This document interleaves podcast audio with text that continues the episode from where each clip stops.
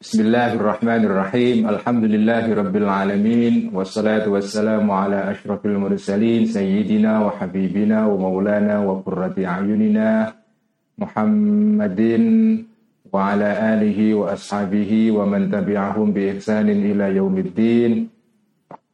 Rabbi shrah li sadri wa yassir li amri wa hlul 'uqdatam min lisani yafqahu qawli. Rabbi zidna ilma wa rizukna fahma amin ya rabbal alamin. Amma ba'du. Teman-teman semua ini adalah ngaji uh, terakhir di bulan Ramadan sebelum kita liburan dan menjelang liburan panjang Idul Fitri. Jadi ini adalah malam terakhir untuk ngaji pasanan pada bulan ini dan kebetulan uh, apa jadwalnya atau apa gilirannya pada malam hari ini memang ngaji kitab Ihya ya. Dan kebetulan tema yang akan kita bahas malam ini itu tema tentang lebaran yaitu mengenai uh, pentingnya memaafkan berbuat baik kepada orang lain dan seterusnya. Itu tema-tema hal lebih halal sebetulnya ya. Jadi ini kebetulan. Dan mari seperti biasa kita akan mulai ngaji ini dengan hadiah Al-Fatihah. Ila ruhi nabiyina wa syafina Muhammadin sallallahu alaihi wasallam. Wa ila arwahil anbiya wal mursalin. Wa ila arwahil ali wal ashabi ajma'in. Wa ila arwahil awliya'i wa syuhada'i wa salihin wa la immatil mustahidin والعلماء الصالحين والمؤلفين والمصنفين خصوصا إلى روح سلطان الأولياء الشيخ عبد القادر الجيلاني وإلى روح الإمام الجنيد البغدادي والشيخ الأكبر محي الدين ابن عربي والإمام أبي حسن الشاذلي وإلى روح صاحب الإحياء حجة الإسلام أبي حامد الغزالي. قدس الله سره ونور ضريحه على بركاته ونفعنا بعلمه وأمدنا بمدده. وإلى أرواح علمائنا مؤسسي جمعيتنا نهضة العلماء والجمعيات الإسلامية الأخرى في بلدنا المحبوب إندونيسيا وفقنا روحي حضرة الشيخ هاشم عشاري كي خلل بمكالان بهوهاب. بابشي سنسوري كي واحد قسر كي أساس شمس العارفين كي معصوم كي علي معصوم. كي عبد الله سلام كي عيسى المحفوظ وسائر علمائنا ومشايخنا. وإلى أرواح آبائنا وأمهاتنا وأجدادنا وجداتنا ومشايخنا ومشايخ مشايخنا. صلى روح أبي عبد الله رفاعي وروح أمي سلامة وروح أمي فاطمة.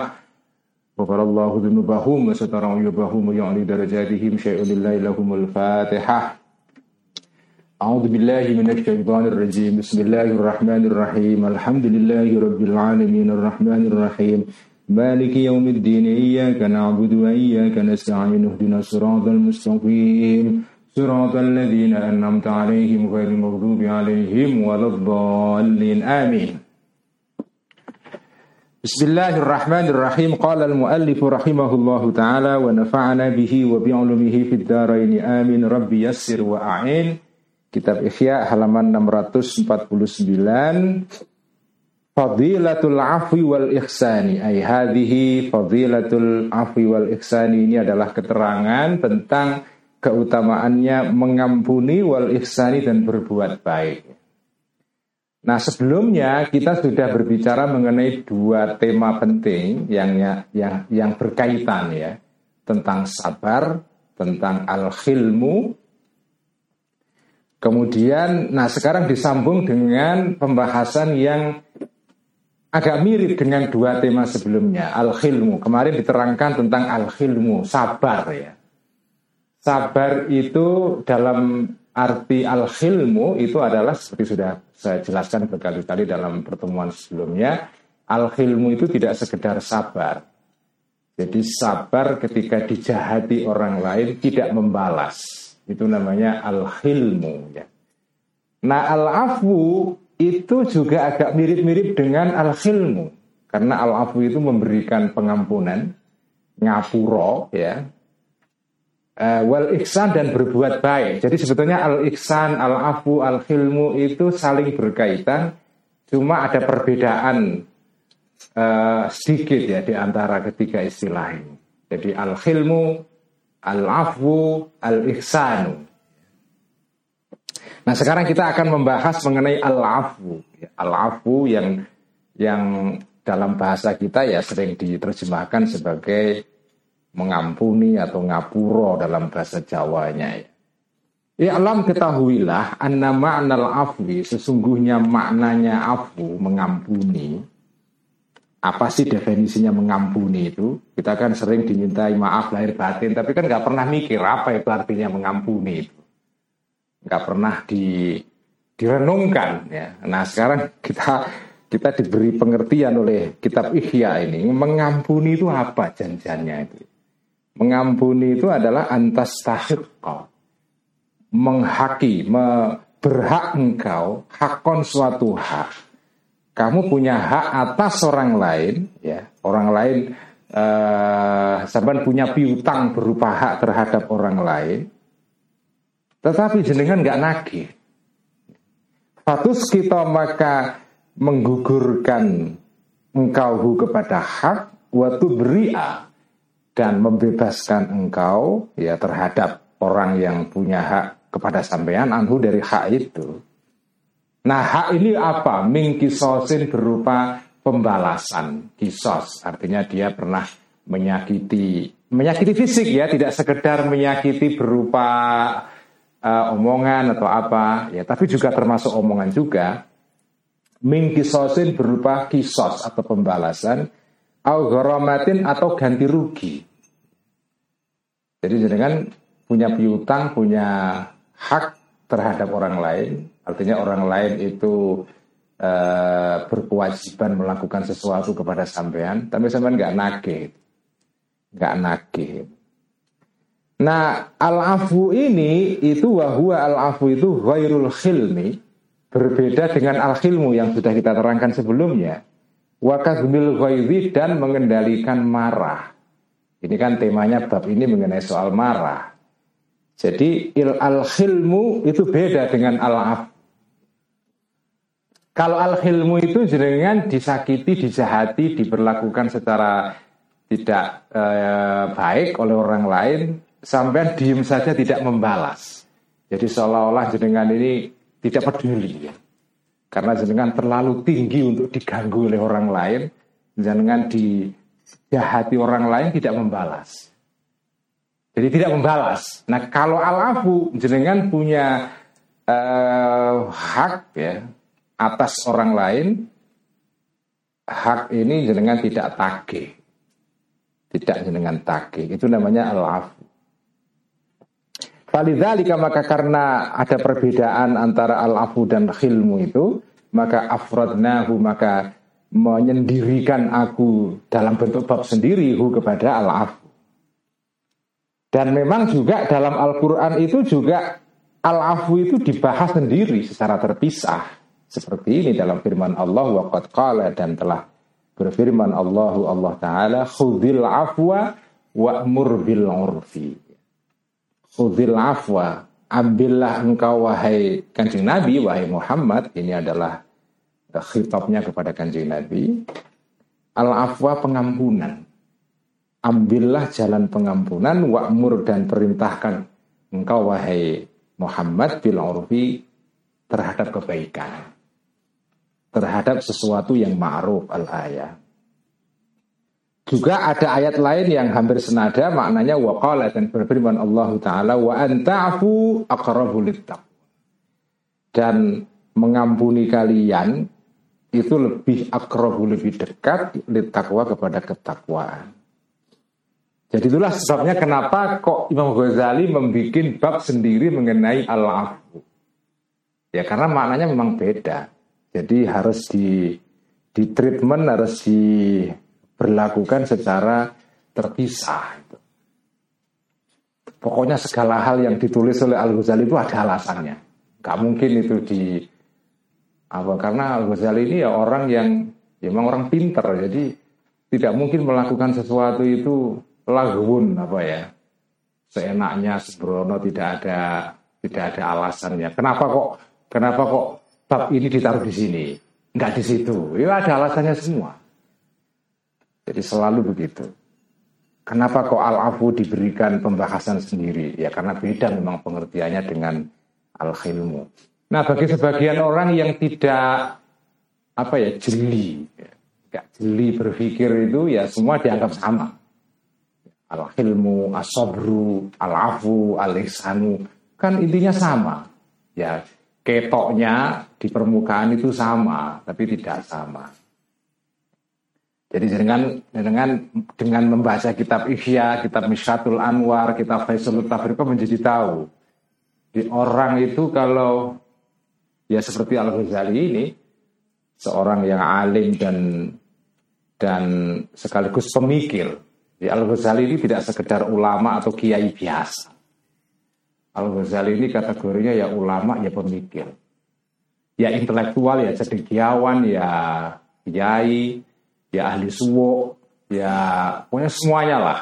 Ini ini kiai yang yang all round ya. Semua dan memang tipologi kiai-kiai zaman dulu, ulama zaman dulu itu begitu. Ya kiai, ya intelektual, ya cendikiawan, ya filosof, pemikir, sarjana, scholar, sekaligus ya ya guru hikmah, tukang suwo, tukang nyembur, semuanya semuanya ada itu. Semuanya ada itu.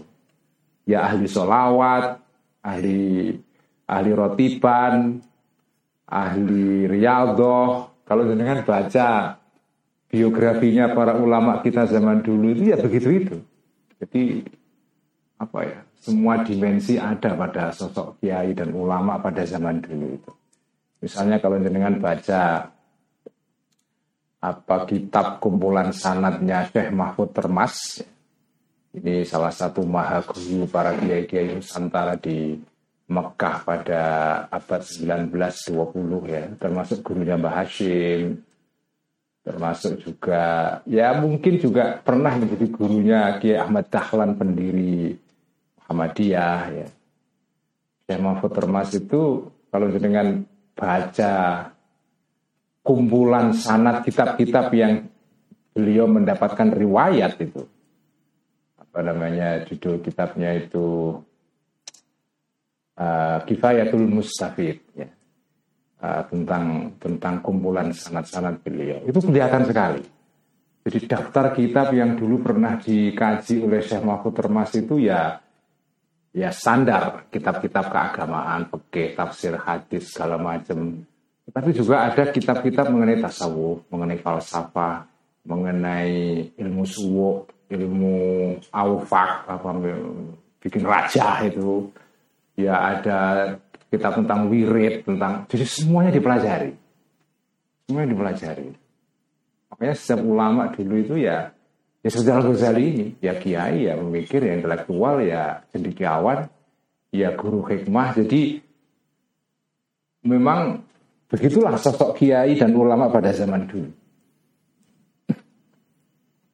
Dan untuk sampai ke level itu, itu tidak bisa belajar hanya 3-4 tahun, nggak bisa. Paling enggak ya 15 tahun, 20 tahun, baru jadi ulama pada level seperti itu. Panjang sekali prosesnya. Jadi kalau sekarang sarjana kita berapa belajarnya? S1 4 tahun, S2 2 tahun, 6 plus uh, doktor 4 tahun, 10, eh, paling panjang 10 tahun. 10 tahun. Lah kiai kita itu dulu itu bah ya kiai uh, Mahrus Ali, kiai siapa namanya kiai Ali Maksum, kiai Maksum dulu itu belajarnya itu minimal itu 15 tahun. 15, 20 ada yang sampai 40 tahun. Uh, Syekh Abdul Rauf Singkel itu dari Aceh. Kiai kita ulama alim dari Aceh yang hidup pada abad 17 itu berkelana di Timur Tengah itu 20 lebih dari 20 tahun. Baru pulang ke Indonesia. 20 tahun itu ngaji semua. Nggak ada selingan main Facebook main nggak ada itu ya. Kayak kita ini ada ada selingan main Facebook ada ada ngonten ngopi-ngopi enggak oh, ngajinya full full time 20 tahun itu ya Ya jadinya ya ulama seperti ini ya. Jadi nggak nggak abal-abal. Ya inilah. Jadi kita kalau membaca kitab Ihya itu kelihatan sekali kealimannya ulama pada zaman dulu itu begini. Semua itu ada alasannya, semua ada ilatnya, semua ada penjelasannya. Nggak bisa seenaknya nggak bisa. Dan ada dalilnya semuanya. Baik dalil itu Quran, hadis maupun dalil akal. Jadi dalil akal juga dipakai, nggak hanya dalil dalil Quran hadis so gitu ya. Enggak, ya ada dalil akal, ya ada dalil nakal. Nakal itu artinya dalil hadis uh, wahyu ya, Quran atau sunnah. Wakala dan dan sebentar sudah berkali-kali saya terangkan kalau jenengan lihat kitab kitab, kitab Ihya ini selalu susunannya itu adalah ketika Imam Ghazali membahas sesuatu itu dimulai dengan dalil Quran, Sunnah, kemudian uh, ucapan-ucapan tindakan dari para sahabat tabiin, tabiut tabiin generasi salaf ya, yang disebut dengan al-athar. Nah setelah itu kemudian Al Ghazali berpendapat sendiri, menawar, berpikir. Jadi berpikir itu diletakkan di paling akhir ya. Bukan berarti berpikir itu tidak penting, tapi kedudukan berpikir di dalam apa? Dalam cara dalam tradisi pengetahuan Islam itu memang ya berpikir itu di bawah wahyu.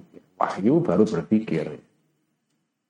Nah, selalu bagian yang Al-Ghazali sendiri berpendapat dalam kitab Ihya itu pasti menarik. Bagian yang paling menarik dalam kitab Ihya itu ketika Al-Ghazali sendiri sudah berpendapat. Sudah apa lah ya membahas dengan dengan penjelasan dari beliau sendiri. Karena menarik karena ya kita nggak baca di tempat lain itu. Kiai-kiai lain nggak ada yang seperti itu. Nggak ada. Waqala dan bersabda Rasulullah ya Rasulullah Shallallahu Alaihi Wasallam. Ini masih berbicara mengenai dalil nakli ya. Salatun walladhi nafsi biyadihi in kuntu la halifan alaihinna. Salatun uh, tiga hal ini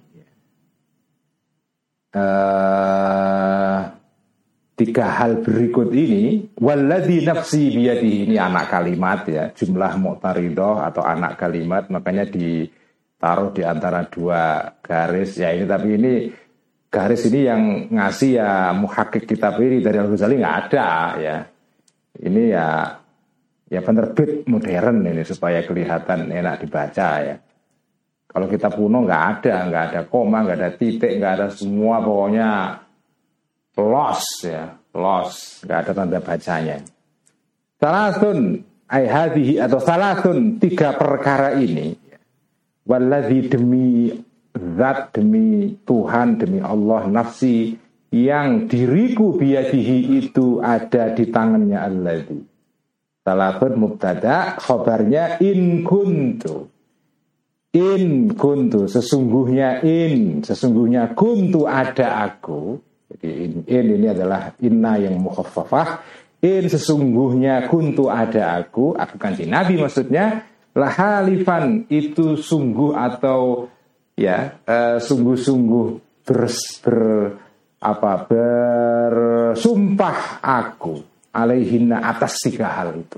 Karena begitu pentingnya tiga hal demi Allah aku bersumpah mengenai tiga hal ini.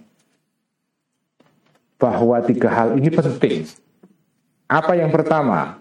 Mana kosat sadaqatun mimalin Mana kosat tidak mengurangi sadaqatun sedekah mimalin terhadap harta Sedekah itu tidak mengurangi harta ini dalilnya Pak Yusuf Mansur ini ya. daku maka sedekahlah maka sedekahlah kalian ya. Karena itu sedekah, karena sedekah tidak akan mengurangi harta kita. Wala afa rajulun an mazlamatin. Wala afa dan tidak mengampuni rajulun seorang laki-laki. Atau seorang tidak hanya laki-laki tapi juga perempuan ya. An mazlamatin terhadap kezaliman, tindakan kezaliman. Seseorang yang mengampuni kezaliman yang dilakukan orang lain kepada dirinya. Ia dalam keadaan jumlah haliyah ya, dalam keadaan mencari laki-laki tadi biha melalui mazlamah, melalui mengampuni mazlamah itu wajah Allah terhadap Allah ya. Jadi ikhlas demi Allah tidak membalas uh, perbuatan jahat orang lain illa zada. Jadi dalilnya tentang alafu di sini ya. Illa zada kecuali menambahihu kepada orang tadi Allahu Allah biha karena mengampuni mazlamah eh biha bi bil afwi anil mazlamah ezan keunggulan ya ketinggian keunggulan keagungan yaumal kiamati pada hari kiamat nah inilah dalilnya al afu jadi kalau jenengan punya punya piutang berupa mazlamah orang lain melakukan kezaliman kepada sampean jenengan tidak menagih balik, tidak membalas. Itu jenengan akan ditambahi uh, derajat sampean nanti di hari kiamat. Dan juga di hari di dunia juga. Jadi kalau jenengan itu ditinggikan martabatnya di hari kiamat, di dunia pun juga ditinggikan. Karena orang yang tidak membalas kejahatannya orang lain, itu membuat jenengan itu statusnya naik orang tambah hormat kepada sampean. Jadi izan di sini tidak hanya izan yaumal kiamat, tapi juga di dunia pun jenengan dikasih izan, dikasih uh, keluhuran oleh Allah Subhanahu Wa Taala di mata orang lain. Jenengan akan harum namanya. Wala fataha dan tidak membukakan rojulun seseorang ala nafsihi terhadap dirinya orang itu baba mas'alatin. Pintu meminta-minta uh, pintu meminta-minta, jaluk-jaluk itu ya. Kalau ada orang kok suka jaluk-jaluk itu, maka illa fataha kecuali membukakan Allahu Allah alaihi kepada uh, seseorang tadi baba fakrin pintu kemiskinan. Jadi minta-minta itu membuat jenengan malah tambah miskin terus. Atau dengan kata lain, Orang yang suka minta-minta itu akan membangun mindset dalam dirinya, cara berpikir bahwa dirinya itu orang yang yang miskin. Walaupun kelihatannya dia kaya. Kan ada orang itu yang secara penampakan lahir kelihatannya hidupnya mewah, kaya, tapi mindsetnya kere. Ada orang yang kere tapi mindsetnya kaya. Orang yang mindsetnya kere walaupun sudah kaya itu masih minta-minta terus. Tetapi orang yang kere, ya, kere dunia, tapi dia merasa dirinya kaya sehingga tidak meminta-minta, ya dia memang kaya, kaya secara mindset ya. Wakala dan kemarin ada ada video pendek itu ya. Saya dapat dari mana itu? TikTok lah TikTok ya. Sekarang kan lagi rame TikTok ya. Ada kalau nggak salah komentarnya dulu penyiar penyiar RCTI Desi Anwar itu ya.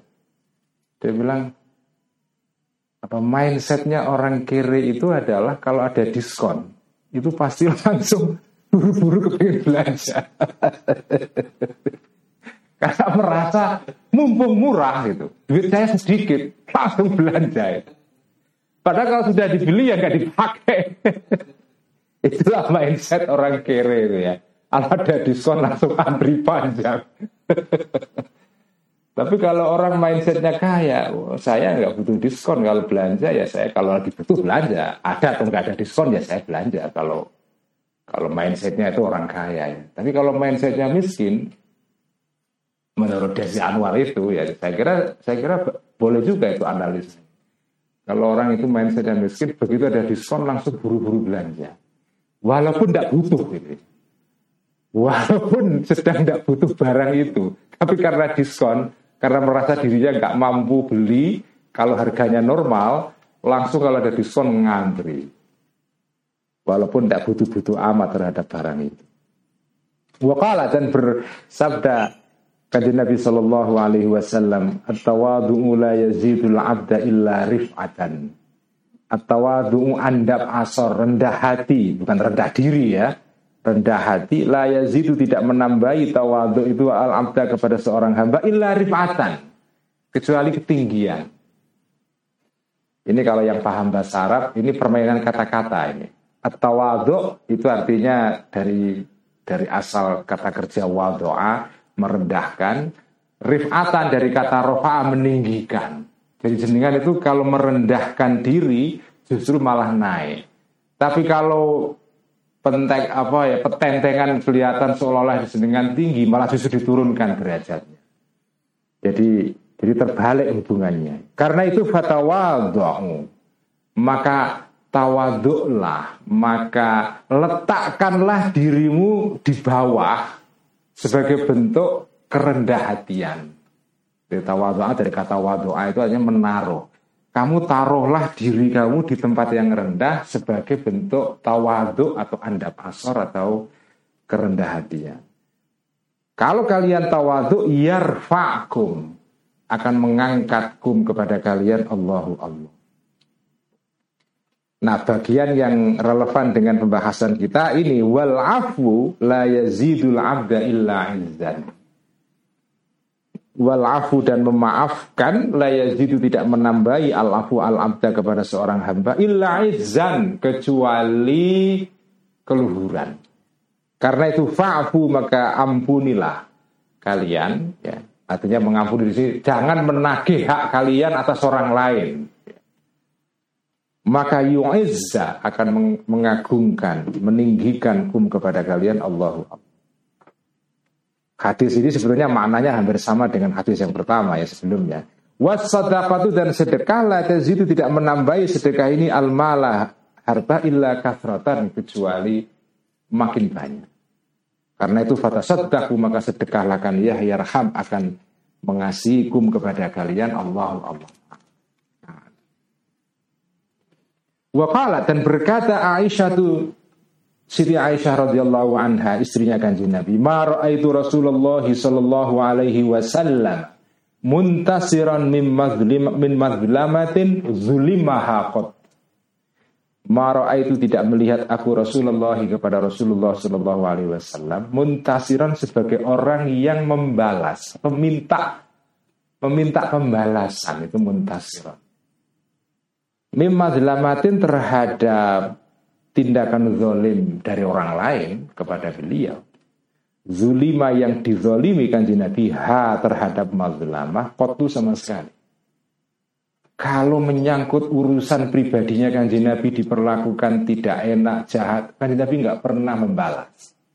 Ini kesaksian istrinya kan Nabi sendiri. Malam tuntahak, selama tidak dilanggar hurmatun keharaman min maharimillahi dari larangan-larangannya Allah Subhanahu wa taala. Asal tidak menyangkut pelanggaran keharaman. Beliau itu santai, slow ya. Kalau beliau diganggu orang lain, diperlakukan tidak baik, tidak senonoh, beliau nggak pernah membalas. Tapi kalau sudah menyangkut larangan Allah dilanggar, beliau akan marah. Pak Idan tuhika.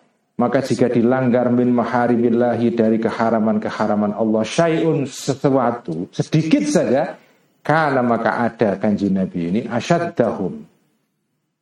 Uh, sebagai orang yang paling paling apa paling kuat paling ya paling kuat paling banget di antara orang-orang bidzalika di dalam di dalam hurum maharimillahi tadi itu ghodoban marah. Jadi kalau sudah menyangkut keharaman dilanggar, keharamannya Allah dilanggar, kanji Nabi sangat-sangat marah. Wa ma dan tidak di, diberi pilihan. Wa ma dan tidak diberikan pilihan, diberikan opsi kanji Nabi ini. Baina amro ini di antara dua opsi maka ilah taro kecuali memilih kanjeng Nabi aisarahuma yang lebih mudah dari kedua opsi tadi itu kedua perkara tadi itu. Malam yakun selama tidak ada uh, aisarahuma maktaman itu berupa dosa. Inilah sifatnya kanjeng Nabi sebagaimana testimoninya Siti Aisyah Intinya di sini Kanjeng Nabi tidak pernah kepingin membalas kejelekan orang lain. Selalu mengampuni alafu.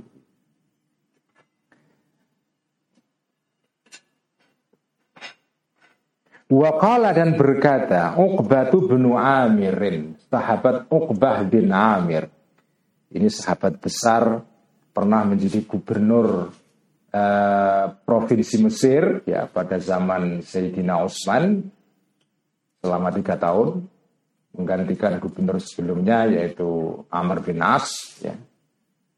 Uqbah bin Amir ini um, termasuk sahabat yang pernah ikut dalam perang Badar ya masuk Islam setelah kanji Nabi pindah ke Madinah dan ya beliau meninggal di Mesir dan di Mesir sekarang ini kalau dengan di ke Kairo itu ada masjid namanya Masjid Uqbah bin Amir karena di situ dimakamkan makamnya sahabat besar ini karena beliau pernah jadi gubernur ya gubernur Mesir dan termasuk pasukan Islam pertama yang membuka yang menaklukkan kota Mesir bersama panglima perangnya ketika itu ya Amr bin As. Amr bin As kemudian dibantu oleh Ubah bin Amir. Ini adalah sahabat yang pernah menjadi apa gubernur Mesir. Nah, kata Ubah bin Amir, ya ini kesaksian beliau sebagai sahabat yang dekat dengan kanjeng Nabi, lakoh itu bertemu aku. Rasulullah Rasulullah Shallallahu Alaihi Wasallam yauman pada suatu hari fabadar itu maka cepat-cepat aku hu kepada kanji Nabi maksudnya salaman dan ya di sini nggak ada keterangan apakah mencium atau tidak ya tapi yang jelas ketemu kanji Nabi Uqbah bin Amr langsung buru-buru hormat pada kanji Nabi dengan cara menyalami duluan Fahal tuh maka memegang aku biaji terhadap tangannya kanji Nabi atau ini pada satu satu waktu ya, atau au badar atau mendahului kanjeng Nabi ini kepadaku fa akhadha, maka mengambillah kanjeng Nabi biadi dengan tangan. Jadi kanjeng Nabi ini apa ya? Orangnya nggak nyungkani ya. Nggak nyungkani. Jadi kadang-kadang kadang-kadang sahabat duluan nyapa, duluan salaman. Kadang-kadang kanjeng Nabi yang duluan itu ya. Artinya apa ya? ya Nabi ini orangnya nggak nyungkani orangnya itu orangnya enak gitu ya. Kadang-kadang jadi tidak ya tentu saja para sahabat menghormati ya, tetapi tidak kan ada ya orang itu yang sosoknya itu bikin kita itu jadi apa ya, jadi uh, segan, segan. Nah, itulah sosoknya Sayyidina Umar. Sayyidina Umar itu sosoknya bikin orang takut itu, takut dan ya anu apa, nggak berani. Kan ada kan kiai itu ada kiai kalau di itu kan enak diajak ngobrol, wah, pokoknya santai gitu. Ada kiai kalau kita sowan itu kita nggak berani ngomong apa-apa. Kita diam saja. nah, itu itu profil tidak Umar itu begitu. Kalau kaji Nabi itu enggak. Profilnya itu kalau disuani enak diajak ngobrol ya. Jadi percakapan itu mengalir gitu ya. Kadang kaji Nabi yang mendahului salaman, kadang sahabatnya yang mendahului. Pernah ada satu kisah jadi Nabi itu ngobrol dengan sahabatnya di ruang tamunya. Dan ada tamu-tamu perempuan, ya kira-kira muslimat lah ya, muslimat tuan kepada kanjeng Nabi. Gitu. Ngobrol enak, jadi tanya para sahabat ini bertanya kepada kanjeng Nabi. Terus tiba-tiba mereka mendengar deheman itu. Mereka tahu ini dehemannya Sayyidina Umar.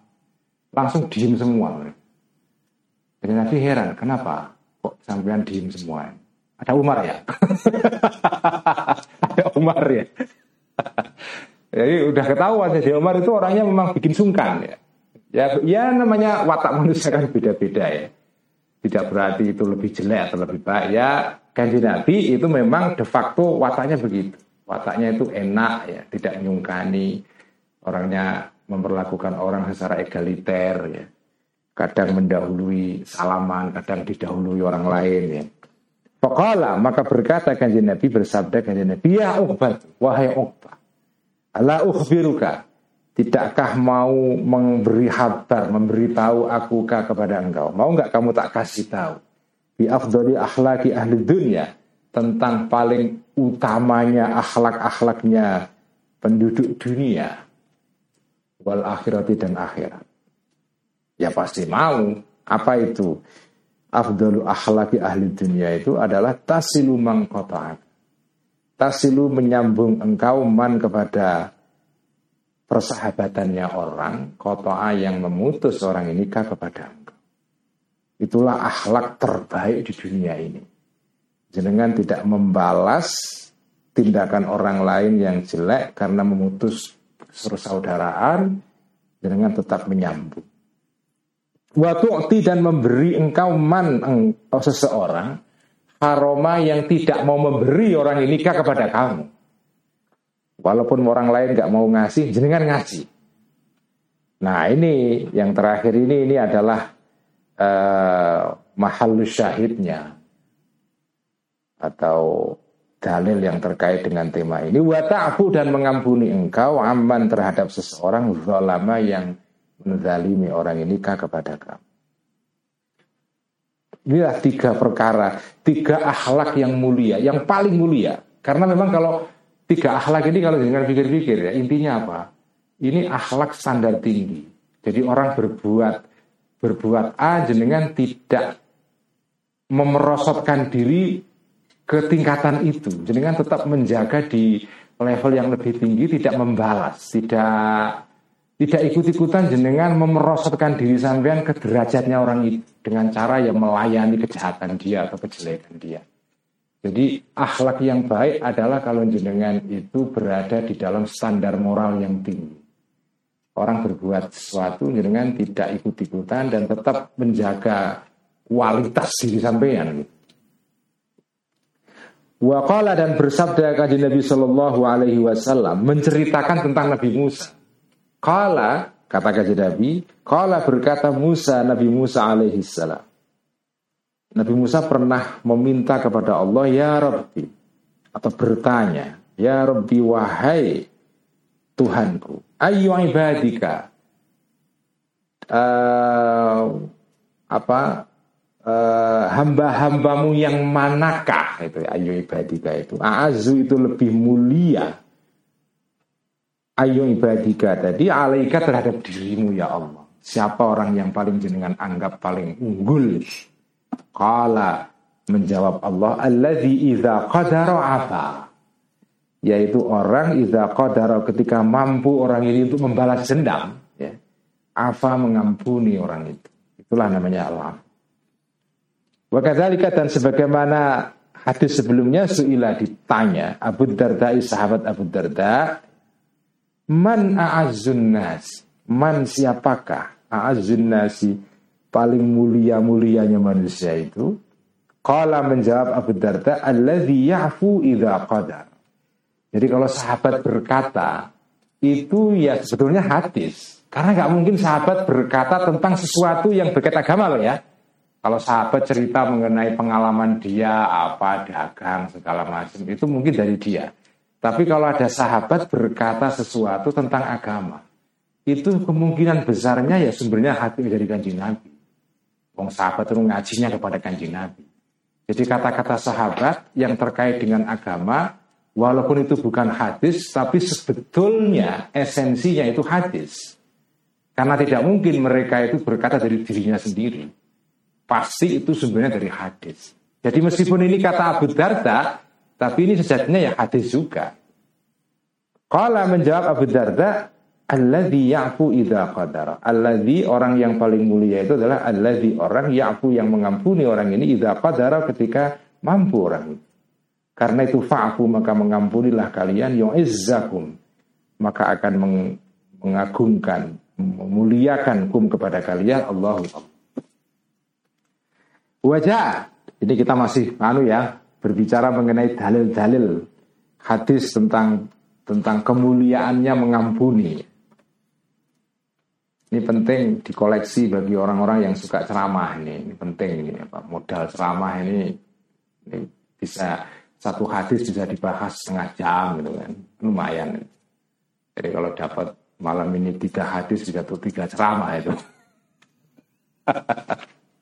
Tiga ceramah. Wajah dan datang rojulun seorang laki-laki ilan Nabi kepada kanjeng Nabi Shallallahu Alaihi Wasallam. Yashku dalam keadaan jumlah haliyah melaporkan, ya, mengajukan komplain orang ini, madlamatan terhadap satu kezaliman.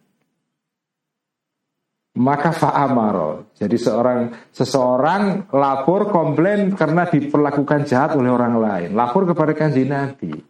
Kanji Nabi malah tidak menyuruh membalas. Fa'amaro maka memerintahkan hu kepada laki-laki tadi an-nabi kanji Nabi Shallallahu alaihi wasallam. Ayat jelisa untuk duduk laki-laki tadi.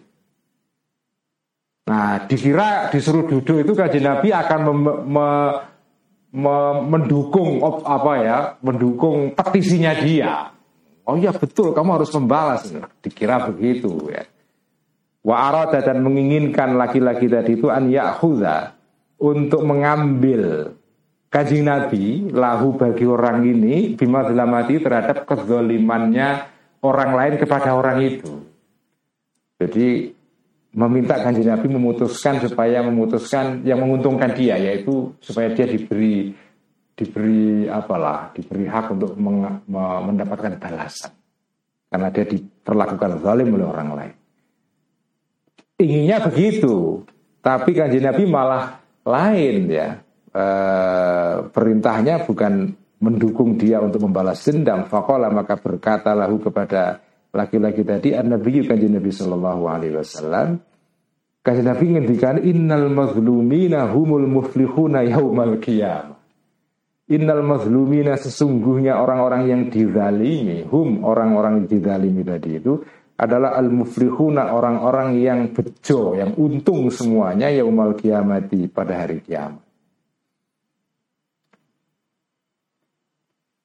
Setelah mendengarkan nasihat kaji Nabi ini fa'adha maka maka tidak mau. Maka membangkang artinya tidak mau laki-laki tadi itu. An yahuda untuk mengambil untuk menuntut laki-laki tadi ha kepada mazlamah kezaliman tadi. Itu khina sami'a ketika mendengarkan laki-laki tadi. Al hadis hadis ini.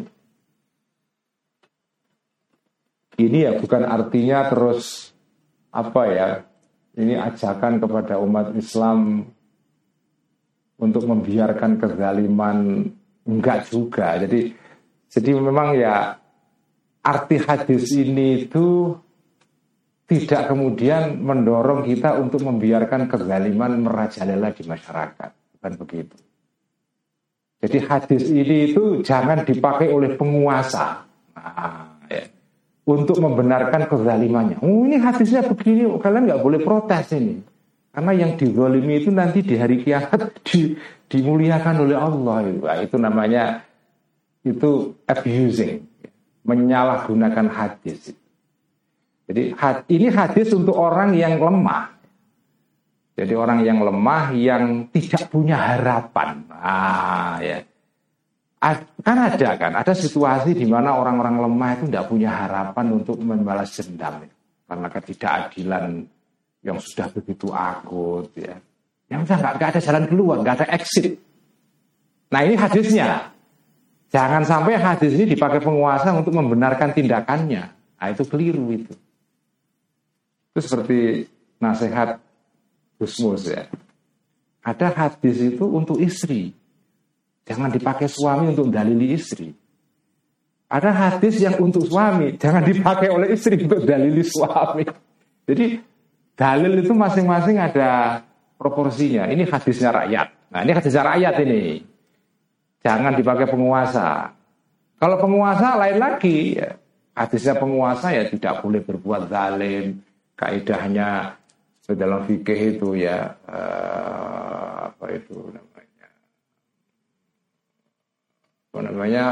Kaidahnya penguasa itu uh, apa manutun bil maslahah tasarruful imam ala ra'iyah manutun bil maslahah jadi penguasa itu pertindakannya harus pembawa maslahat bagi rakyatnya jangan kezaliman. Itu itu untuk penguasa tapi kalau hadis ini ini hadisnya rakyat hadisnya rakyat jangan dipakai penguasa untuk dalili rakyat itu zalim itu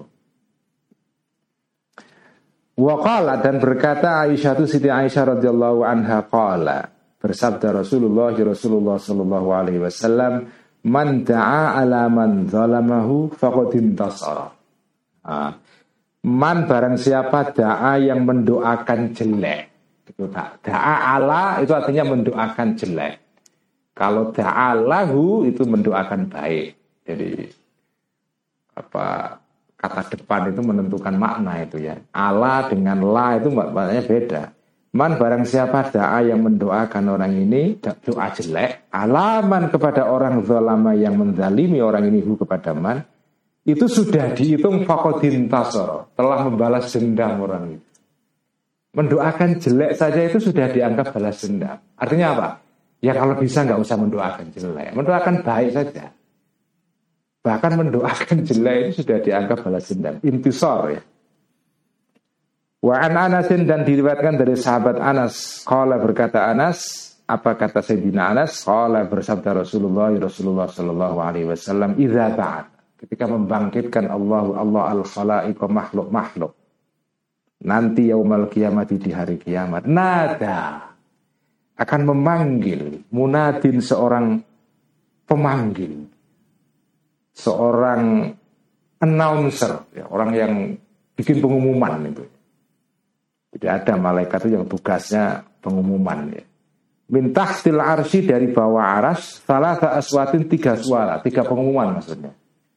Ya apa tiga pengumuman itu isinya? In ya ma'syarul muah atau salah aswatin tiga suara tiga kali maksudnya ya tiga kali ya ma'syarul muwahhidina wahai golongannya orang-orang yang mentauhidkan Allah ini isi pengumumannya ya. Innallaha sesungguhnya Allah qad apa telah mengampuni Allah angkum dari kalian.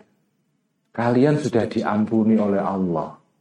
Karena itu faliyah maka hendaklah mengampuni ba'dukum sebagian dari kalian an ba'din dari terhadap yang sebagian yang lain. Wong Allah saja mengampuni masa sampean tidak. Wa an Abi Hurairah dan diriwayatkan dari sahabat Abi Hurairah anna Rasulullah sesungguhnya Rasulullah Shallallahu alaihi wasallam. Nah, ini hadis penting banget ini ya tentang penaklukan kota Mekah lama fataha. Ketika membuka artinya menaklukkan kanji Nabi Makkah kota Makkah pada tahun ke apa 9 Hijriah ya. ditaklukkan Kota Mekah, kota kelahiran kanji Nabi yang semula menjadi apa ya musuh bebuyutannya kanji Nabi dan umat Islam di Madinah berhasil ditaklukkan. Apa yang terjadi ketika kanji Nabi menaklukkan kota Mekah? Tofa. Maka tawaflah kanji Nabi bil baiti terhadap Ka'bah. Wasalla dan sholatlah kanji Nabi rokaat ini dua rokaat. Thumma ata. Kemudian datanglah kanji Nabi al Ka'bah kepada Ka'bah. Agak naik ya datang ke Multazam naik tangga Ka'bah fa'akhodah maka e, memegang kanji Nabi datayil babi dengan dua kusennya pintu Ka'bah. Itu maksudnya kusen kalau bahasa kita itu ya. Sesuatu yang membalut tembok itu artinya maksudnya kusen ya. Pegang kusennya pintu Ka'bah fakola maka berkata kajian Nabi kepada orang-orang Makkah yang ketika itu ketakutan karena mereka itu sudah berharap kajian Nabi akan melakukan balas dendam dan apa ya melakukan pembunuhan massal nah, kayak gitulah namanya biasa kan kalau sandarnya panglima perang pada umumnya kan begitu menang perang udah langsung bumi hangus wong Wong Mekah itu bertahun-tahun musuhi kanjeng Nabi ya. Artinya mereka itu sudah kalau seandainya kanjeng Nabi balas dendam, sudah siap. Sudah siap gitu. Nah, kanjeng Nabi juga sudah ngerti cara berpikirnya orang Mekah. Mungkin mereka ini pasti mengira saya datang ini akan akan melakukan pembalasan. Dan tahu kanjeng Nabi ya, karena perilaku raja-raja pada saat itu ya begitu itu. Begitu apa negara ditaklukkan itu bumi hangus ya apalagi kalau negara itu negara yang mentengkelek artinya dulunya pernah musuhi orang Islam bertahun-tahun ya Nah, fakola maka berkata kanji Nabi, mata kuluna, wa mata dununa, mas apakah sesuatu takuluna yang akan mengatakan kalian? Kalian kira-kira apa? We? Apa? Wama dan apa kata dununa mengira kalian? Kalian mengira saya ini mau lakukan apa? Coba, apa apa yang kalian pikirkan? Fakalu maka berkata orang-orang Mekah, orang-orang Quraisy ya. Nakulu berkata kami, ahun wabnu amin halimun rahimun. Ahun, kanjeng Nabi itu ahun, ay, apa itu, uh, ay, ay an nabiyu ahun. Kanjeng Nabi itu ahun saudara. Ya memang saudara. Orang Mekah itu kan semuanya, ya dulunya kan, Wong kanjeng Nabi itu bagian dari salah satu apa ya keluarga terhormat di Mekah yaitu keluarga Quraisy dan Quraisy pun Quraisy yang paling Quraisy yaitu Bani Hashim. Ya semua orang itu ya saudara semua. Ahun saudara, wahai Muhammad, kamu saudara kami. Wa Amin dan anaknya paman, artinya kamu itu keponakan kami semua. Jadi maksudnya Kazina, wahai Muhammad, kamu itu tidak saya anggap orang asing, kamu itu keponakan kami semua. Jadi kira-kira kami ini semua paman kalian wahai Muhammad. Halimun, orang yang sabar. Dalam pengertian tidak membalas dendam. Rahimun yang kasih saya. Kalau mengatakan orang-orang Arab tadi itu Zalika kalimat tadi salahkan tiga kali. Ahun, wabnu amin, halimun, rahimun. Nah, begitu orang-orang Arab mengatakan begitu, fakola maka maka berkomentar kanjeng Nabi Shallallahu Alaihi Wasallam, aku luka makola Yusuf. Aku lu mengatakan aku kama kola sebagaimana berkata Yusuf Nabi Yusuf ketika Nabi Yusuf itu saudara-saudaranya sudah datang semua ke Mesir bersama Nabi Yakub, sowan ke Nabi Yusuf di istananya dan baru tahu kalau raja yang bukan raja ya, tapi orang pembesar yang ada di istana itu namanya Yusuf yang dulu saudara mereka, yang mereka zalimi selama bertahun-tahun. Dan mereka sekarang kayak kisinan gitu ya, karena dulu pernah memperlakukan jahat kepada Nabi Yusuf. Nabi Yusuf sekarang sukses sebagai orang besar. Nah Nabi Yusuf punya kekuasaan, kalau dia mau dia bisa memenjarakan saudara-saudaranya itu. Tapi apa kata Nabi Yusuf? Nah ini yang ditirukan di Nabi. Kala berkata Nabi Yusuf, La tathriba alaikumul yaum. La tathriba, tidak ada aila lauma, tidak ada pemaidu. Apa pemaidu itu apa bahasa Indonesia-nya? Maidu itu apa? Hah? Maidu itu apa? Mengenyek atau maidu ya, tidak ada mencela. Nah, tidak ada pencelaan. Alaikum terhadap kalian, wahai saudara-saudaraku al hari ini. Gimana om kalian saudaraku masa mau tak mau tak penjarakan, mau tak balas ya, ya, ya bisa loh saudara. Nah itulah aku meniru Nabi Yusuf la tasriba alaikumul yauma wahai penduduk Makkah itu. Ya Fir, semoga mengampuni Allah Allah lakum kepada kalian wahwa dan Allah itu adalah arhamur rahimina zat yang paling maha kasih dari semua orang yang mengasihi. Kala maka berkata uh, rawi hadis ini yaitu Abi Hurairah ya.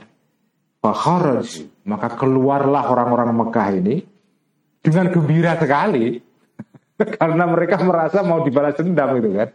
Mereka keluar tepuk apa ya, so, pokoknya anu lah ya, gembira, sorak-sorak, kaan nama nusyiru. Sebagaimana seolah-olah dibangkitkan mereka semua minal kubur dari kuburan. Karena mereka sudah mengira akan mati. Tiba-tiba kok dimaafkan. Wah seneng banget sorak-sorak. Kayak bangkit dari kubur itu.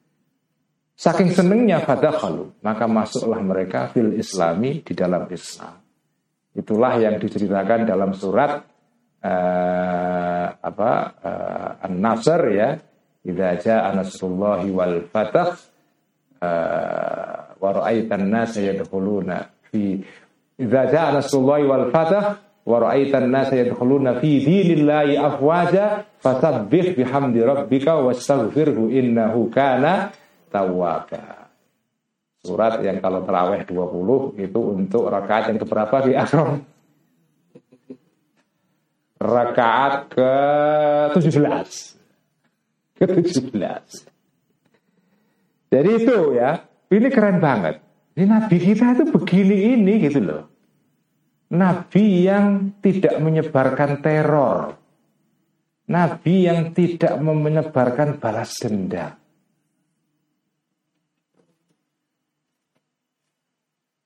Kan kita pernah beberapa tahun lalu ada kartun Nabi Muhammad dari Denmark gitu. Digambarkan kanji Nabi pakai sorban, sorbannya itu bom. Kurang ajar itu kan.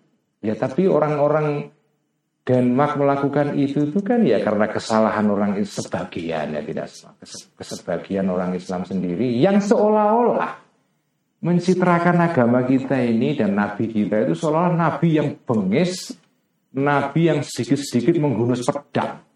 Kan gitu seolah-olah itu. Sehingga ya memang kartun itu salah karena mengandung kebencian kepada Islam dan Islamofobia. Tapi kalau mau diurus-urus itu juga ada ada kontribusi dari dalam. Artinya sebagian umat Islam itulah yang membuat orang lain punya citra buruk mengenai agama kita. Nah coba kalau yang kita ajarkan seperti ini ya. Di kita itu ini ya. Jadi al-afu sikapnya itu adalah mengampu dan ini cerita yang ini populer sekali. Menaklukkan Makkah, kemudian orang Makkah sudah pesimis, sudah mati kita ini, udah habis lah kita ini habis kita ini. Ternyata tidak habis, diampuni semua. Ini mirip kayak ceritanya Nelson Mandela waktu menang di Afrika Selatan. Kalau hidup sekarang yang Nabi dapat hadiah Nobel. Hadiah Nobel untuk perdamaian. Kan begitu ya. Jadi inilah Nabi kita itu ini itu.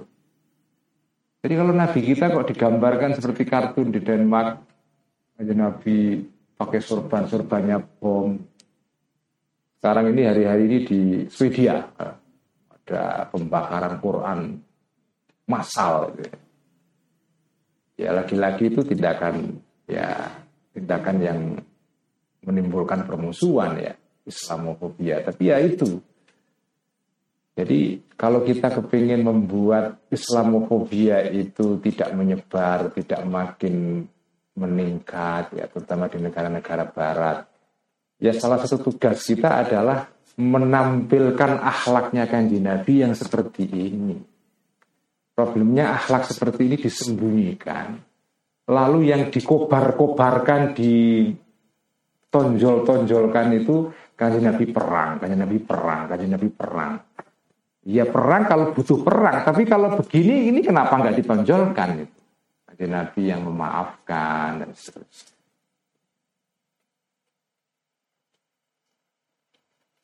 Ini saya tambah sedikit karena masih terkait dengan cerita sebelumnya. Wa'an Suhail bin Amr.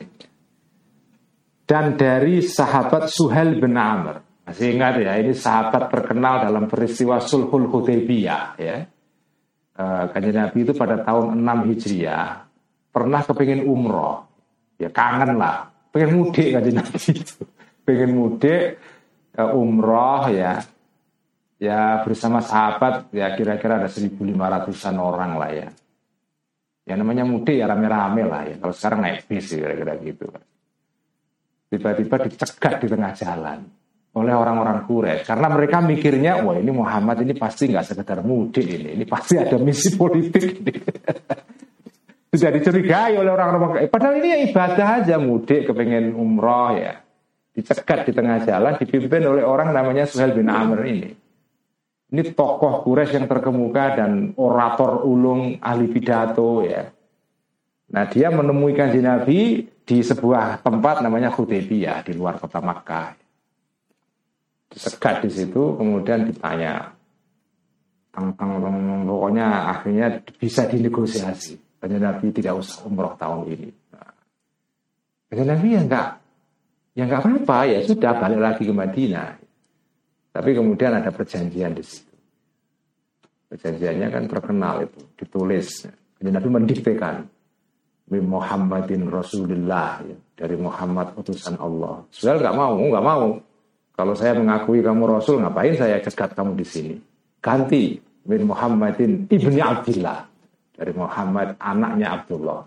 Bukan Rasul kamu itu ya. Kamu anaknya Abdullah itu aja. Kaji Nabi, ya sudah nggak apa-apa. Sayyidina Umar marah-marah udah mau jotos saja itu kepada bin Amr. Itu dicegah aja Nabi. Nggak usah nah, itulah. Nabi kita itu begini ini sifatnya itu. Nah ini ini kesaksian Suhail nah Suhail ini akhirnya masuk Islam. Masuk Islam ya menjadi sahabat kan ya. Pada saat Fathu Makkah jadi empat uh, ya kira-kira tiga tahun kemudian masuk Islam dan ketika Fathu Makkah, penaklukan kota Makkah, Suhail bin Amr ini masuk Islam, oleh kanji Nabi itu diberi penghargaan. Karena dia tokoh masyarakat kan. Kanji Nabi kan ya ada sebagian kabilah-kabilah Arab yang menentang kemudian diperangi karena nggak mau tunduk, akhirnya membangkang diperangi. Ya dulu kan prakteknya kalau menang perang ya apa hartanya dirampas sebagai bagian dari rampasan perang atau bonimah. Nah ada unta, ada ada ada rat, bahkan ribuan unta ketika itu yang menjadi honima. Nah Suhel bin Amr ini diberi penghargaan khusus oleh kanji Nabi, diberikan 100 unta. 100 unta. Padahal dia baru masuk Islam. Diberikan 100 unta. Sebagai penghargaan kepada kepada dia karena dia tokoh masyarakat. Kasih THR lah ya. Kasih THR 100 unta itu ya.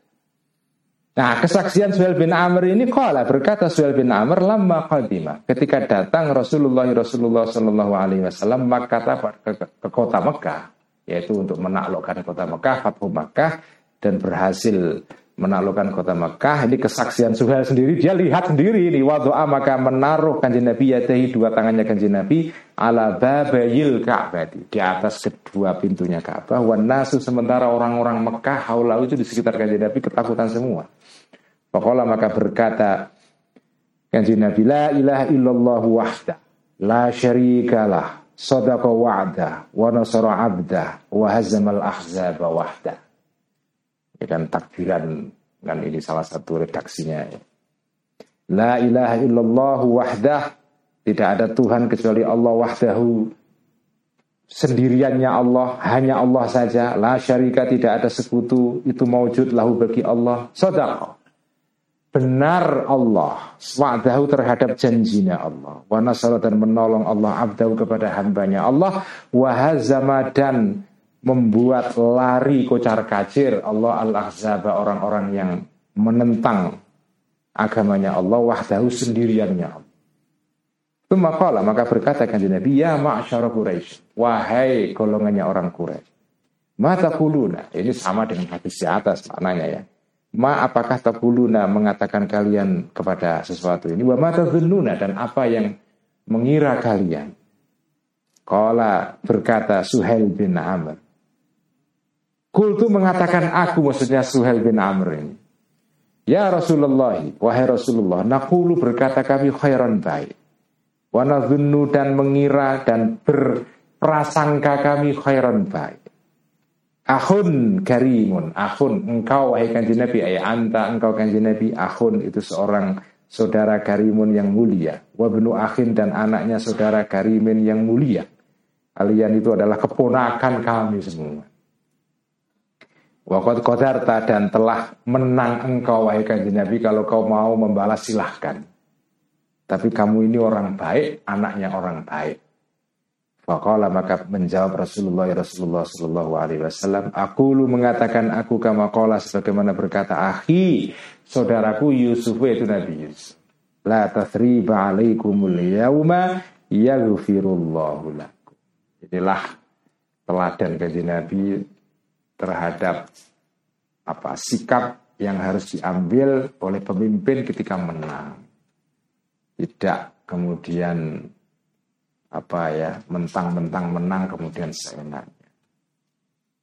Baik, ngaji ikhya sekian saja malam ini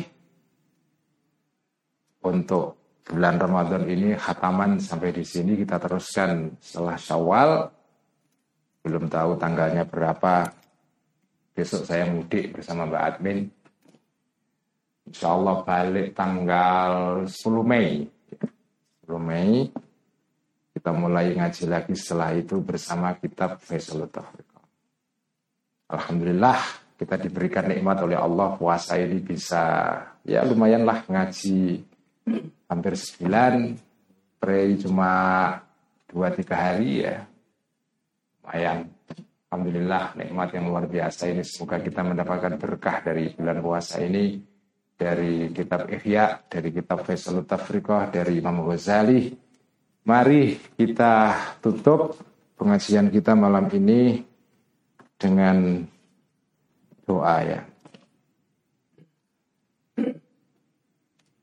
أعوذ بالله من الشيطان الرجيم بسم الله الرحمن الرحيم الحمد لله رب العالمين حمدا يوافي نعمه ويكافي مزيده يا ربنا لك الحمد كما ينبغي لجلال وجهك الكريم وعظيم سلطانك. اللهم صل وسلم على سيدنا محمد صلاة وسلاما تنجينا بهما من جميع الأهوال والآفات.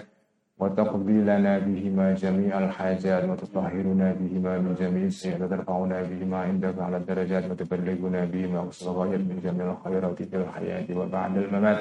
اللهم ربنا ظلمنا أنفسنا وإن لم تغفر لنا وترحمنا لنكونن من الخاسرين.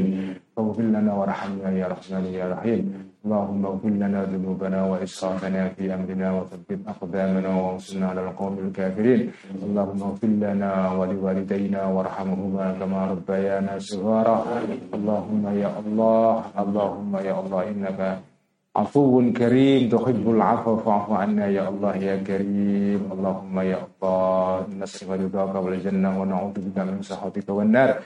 Allahumma ya Allah barik lana fi Ramadan. Allahumma barik lana fi Ramadan. Allahumma barik lana fi Ramadan.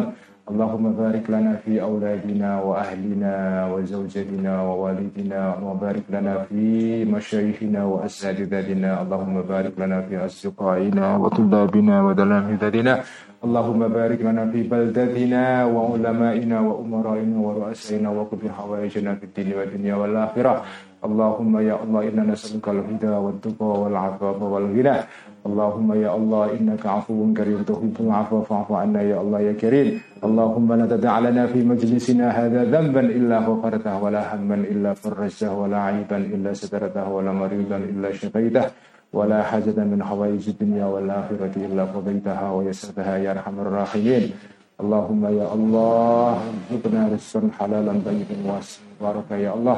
ربنا هب لنا من ازواجنا وذرياتنا قرة اعين واجعلنا للمتقين اماما ربنا اتنا في الدنيا حسنه وفي الاخره حسنه وقنا عذاب النار رب اختم لنا بخاتمه السعاده اجمعين صلى الله على سيدنا محمد وعلى اله وصحبه اجمعين سبحان ربك رب العزه عما يصفون والسلام على المرسلين والحمد لله رب العالمين Mari kita tutup dengan bacaan salawat ibil kulub. Allahumma salli سيدنا محمد طب القلوب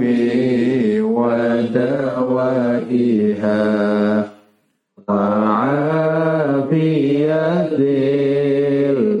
الأبدان وشفائها ونور الأبصار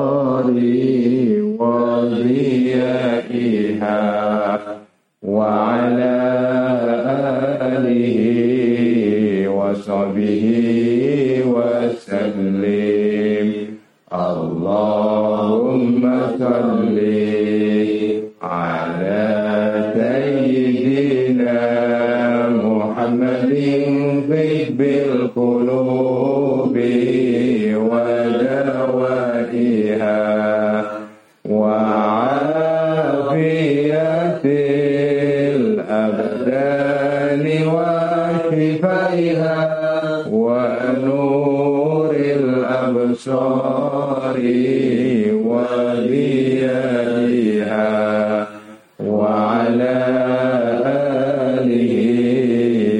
وصحبه وسلم.